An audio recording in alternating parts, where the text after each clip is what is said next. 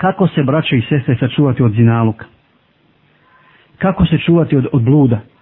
Mi smo spomenuli kaznu za zinaluk, ali kažemo s ponosom da islam se ne zasniva na kaznama. Da se islam ne zasniva na kaznama. Već, se islam, već je islam došao i ponudio puteve koji vode ka sreći. Islam traži, islam traži i, i slijedi te uzroke koji vode do srećnog života i koji vode do nagrade na ahiretu. Dakle, do zadovoljstva i srećnog života na Dunjaluku i nagrade na ahiretu kod Allaha Đalešanu. A kazne je odredio kada? Dakle, Islam odredio pravila života, svu, u svugdje. I logično je da kad se prekrše pravila, poslije pravila sjedi kazna.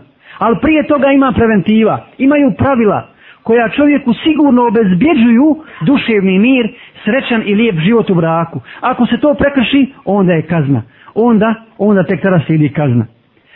A ta preventiva koju je Islam odredio se sastoji u sljedećem. Prvo, zabrana gledanja u haram.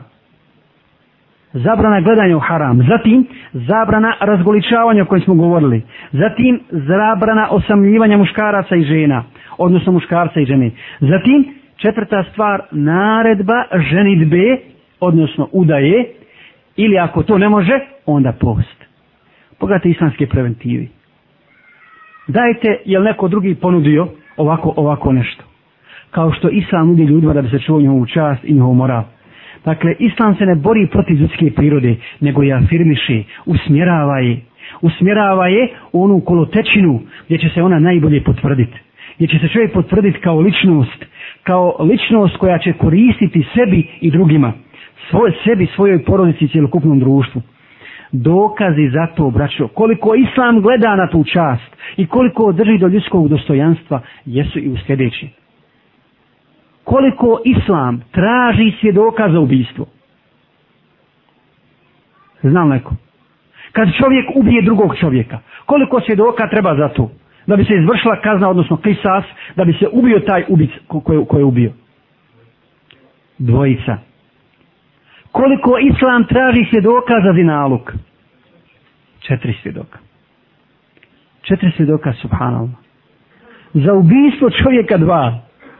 Za zinaluk četiri svjedoka. I to moraju svi isto vidjeti. I potvrditi svi isto pred, pred imamom, pred kadijom. Ako ne potvrde svi, ako samo jedan kaže da nije vidio sve što su vidjeli ovi, gotovo. Ja ne znam da li smo navodili primjer Omera radijallahu ta'ala. Navodili smo taj primjer. Vidjeli ste kada su četvorica ljudi došli, pa onaj mladić na kraju rekao da nije vidio isto što su vidjeli ovi, Omer naređe da se bičio, da se bičio ovi ljudi. Da se bičiju. Kada je upitao trojicu ovi, oni koji nisu slušali to, koji nisu bili tu, dakle da ponovimo, Došla su trojica ljudi, odnosno četvorica i Omeru radi on kada vidjeli smo muškarca žen kako čini zinalog. Pa pita prvog, jesi li vidio tačno? Znaš šta znači nalog? Znam. Jesi li to vidio? Ja sam drugi, treći, četvrti, kaj ja sam vidio dvoje pod pokrivačem muškarca. Kaže Omer, Allahu akbar. Bičujte ove. Bičujte ih. Dakle, da se ne izvrši kazna, da se ne obešćaste bez jakog dokaza. Jer ljudska čast je vrijedna vrijedna je čast ljudska, posebno muslimanska, vrijednija od Kabi. I svetija od Kabi. E nju oskrnaviti je gore nego oskrnaviti napasti na Kabu. Dakle, to Islam čuva i hoće, i hoće, i hoće to da zaštiti. I opasnost pogleda Allah subhanahu wa ta'ala je, braćo i sestre, spomenuo u Kur'anu, u ajetu kojega ćemo samo, svi ga dobro znamo, iz sure An-Nur, i njegovo čuvanje zajedno sa čuvanjem polnog organa. Ovo je dokaz protiv svih onih koji kažu da je dozvoljeno ovo, da osamljivanje ne znači hodanje, muškarčanje zajedno po gradu, sjedinje zajedno u kafani, u kafiću, sjedinje zajedno negdje u parku, i ta, šikovanje i tako dalje. Dokaz, valulah, je protiv svih koji tako razmišljaju. Jer je to napad na moral, napad na čast. Allah kaže, reci vjernicima neka obore poglede svoje i neka vode brigu o stidnim mjestima. Dakle, neka čuvaju svoje poglede i svoje polne organe. Reci vjernicama, neka obore poglede svoje, neka vode brigu o svojim stidnim mjestima. Zajedno, pogled i ovo, i, i, i stidno mjesto. Zašto? Da se čuvaju. Zato što je to uzrok i posljedica. Uzrok i posljedica. Zinalog je posljedica ovoga. Dakle, Allah nije naredio samo, nije zabranio samo osamljivanje, nego je zabranio gledanje. Zabranio gledanje. I ako ti sa ženom određenom, koja ti nije mahrem, odnosno kojoj ti nisi mahrem, s kojom ne možeš biti, budeš cijeli dan i zuriš u njona u tebe i gledati jedno drugom cijeli dan u zube, nećeš osjeti ništa, jel? Vraćiš se miran kući, a i ona isto tako nećeš vallahi zaspat. Ni ti ni ona cijelu noć. Razmišljat ćete jedno o drugom i to razmišljat na način kako je, kako je Allah subhanahu ta'ala zabranio. Zašto vraću? Pogledajte što kaže poslanik sa sallam. Pogled je otrovna i blisova strijela. Pogled je otrovna i blisova strijela. I onaj ko obori pogled pred haramom, kaže poslanik sa selem, osjeti će slast u svojoj duši sve dok ne sretne Allaha subhanahu wa ta'ala. Slast u svojoj hadis bilježi Ibn Mas'ud, od Ibn Mas'uda, Ibn Dawud, Hakim i Ahmed. Dakle, kad čovjek vidi haram, pa obori pogled. Prvi pogled, kada je poslanik selem, oko je tako. Allah da oči čovjeku, da vidi. Ali ako vidi haram, pa obori pogled gotovo, zaboravit će. Wallahi, da pred njega iziđe najljepša žena. Ako je samo prvi pogled, pa, pa obori, neće ostati ništa od nje, ni traga, ni u njegovim mislima, ni njegov, ne, zaboravit će njen lik. Ako ponovo pogleda, gotovo. Gotovo. Dakle, a ako obori pogled, osjetit će slast imana u svom srcu i ta, tu slast se osjeti do sudnjega dana. Do sudnjega dana i zaista je tako. Svako je od nas, barem nekad u životu osjetio tu, tu slast, a također i gorčinu stalnog uzastopnog pogleda. Uzastopnog, uzastopnog pogleda. I šta misliš, brate i sestro, o otrovnoj strijeli koja se zabode u srce? Šta će učiniti od tvog srca? Šta će učiniti zatrovana strijela na vrhu kad se zabode u tvoje srce? A poslanica je selem u drugom hadisu kaže, oči čine zinaluk gledanjem uši čine zinaluk slušanjem. A ruke čine zinaluk doticanjem.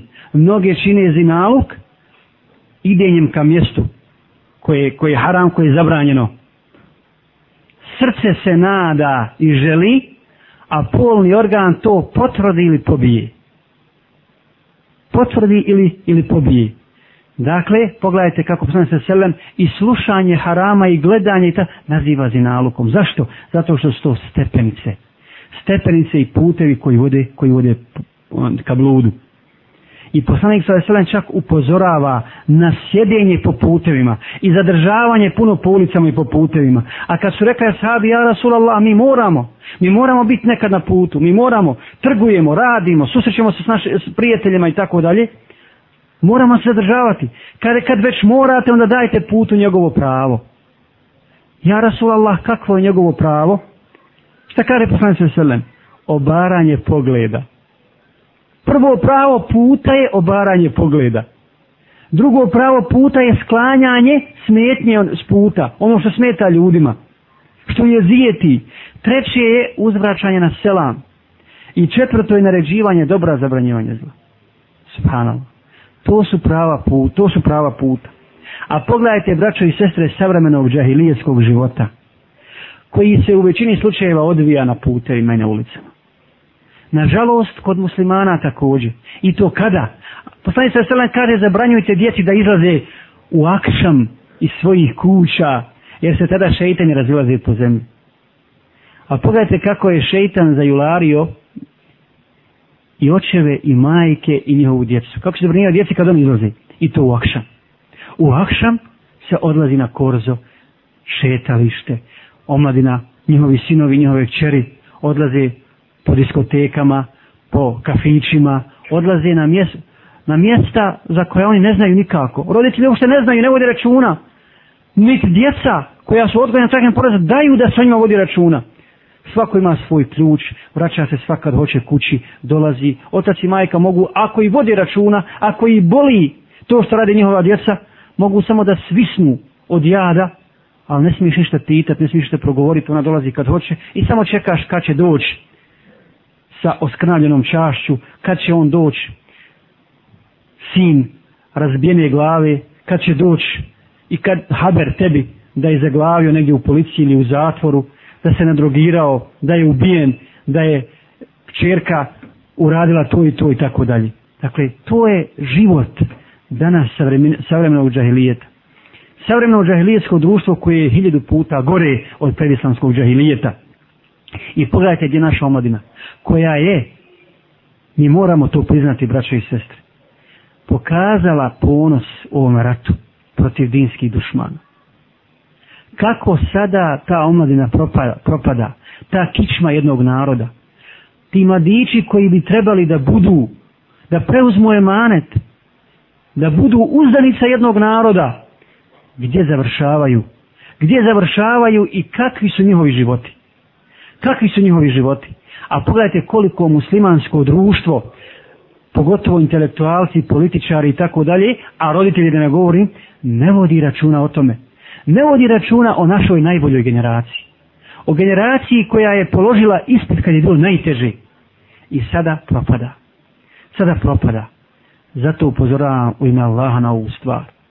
Na ovu stvar da mi kao svjesni dio ovoga društva, oni koji žele da slijede Allahu vjeru i koji su ljubomorni na ono što radi, nek nisu po krvi naša braća i sestre. Jesu to naša braća i sestre. Ne dozvolimo da propadnu. Ne dozvolimo da radi to što radi. Ne smijemo dozvoliti da nam ponestane sabra u pozivanju tih ljudi. U vraća na najljepši način pomaganju njima i na, naj, na najljepši način ophođenju s njima kako bi se vratili i izbavili, izbavili iz te, iz te jame, odnosno iz tog nemorala, iz te kaljuže nemorala, kako bi se sačuvali dakle, svoj moral na, na Dunjaluku, i živjeli čestitim i čistim životom i kako bi se čuvali vatre na ahiretu.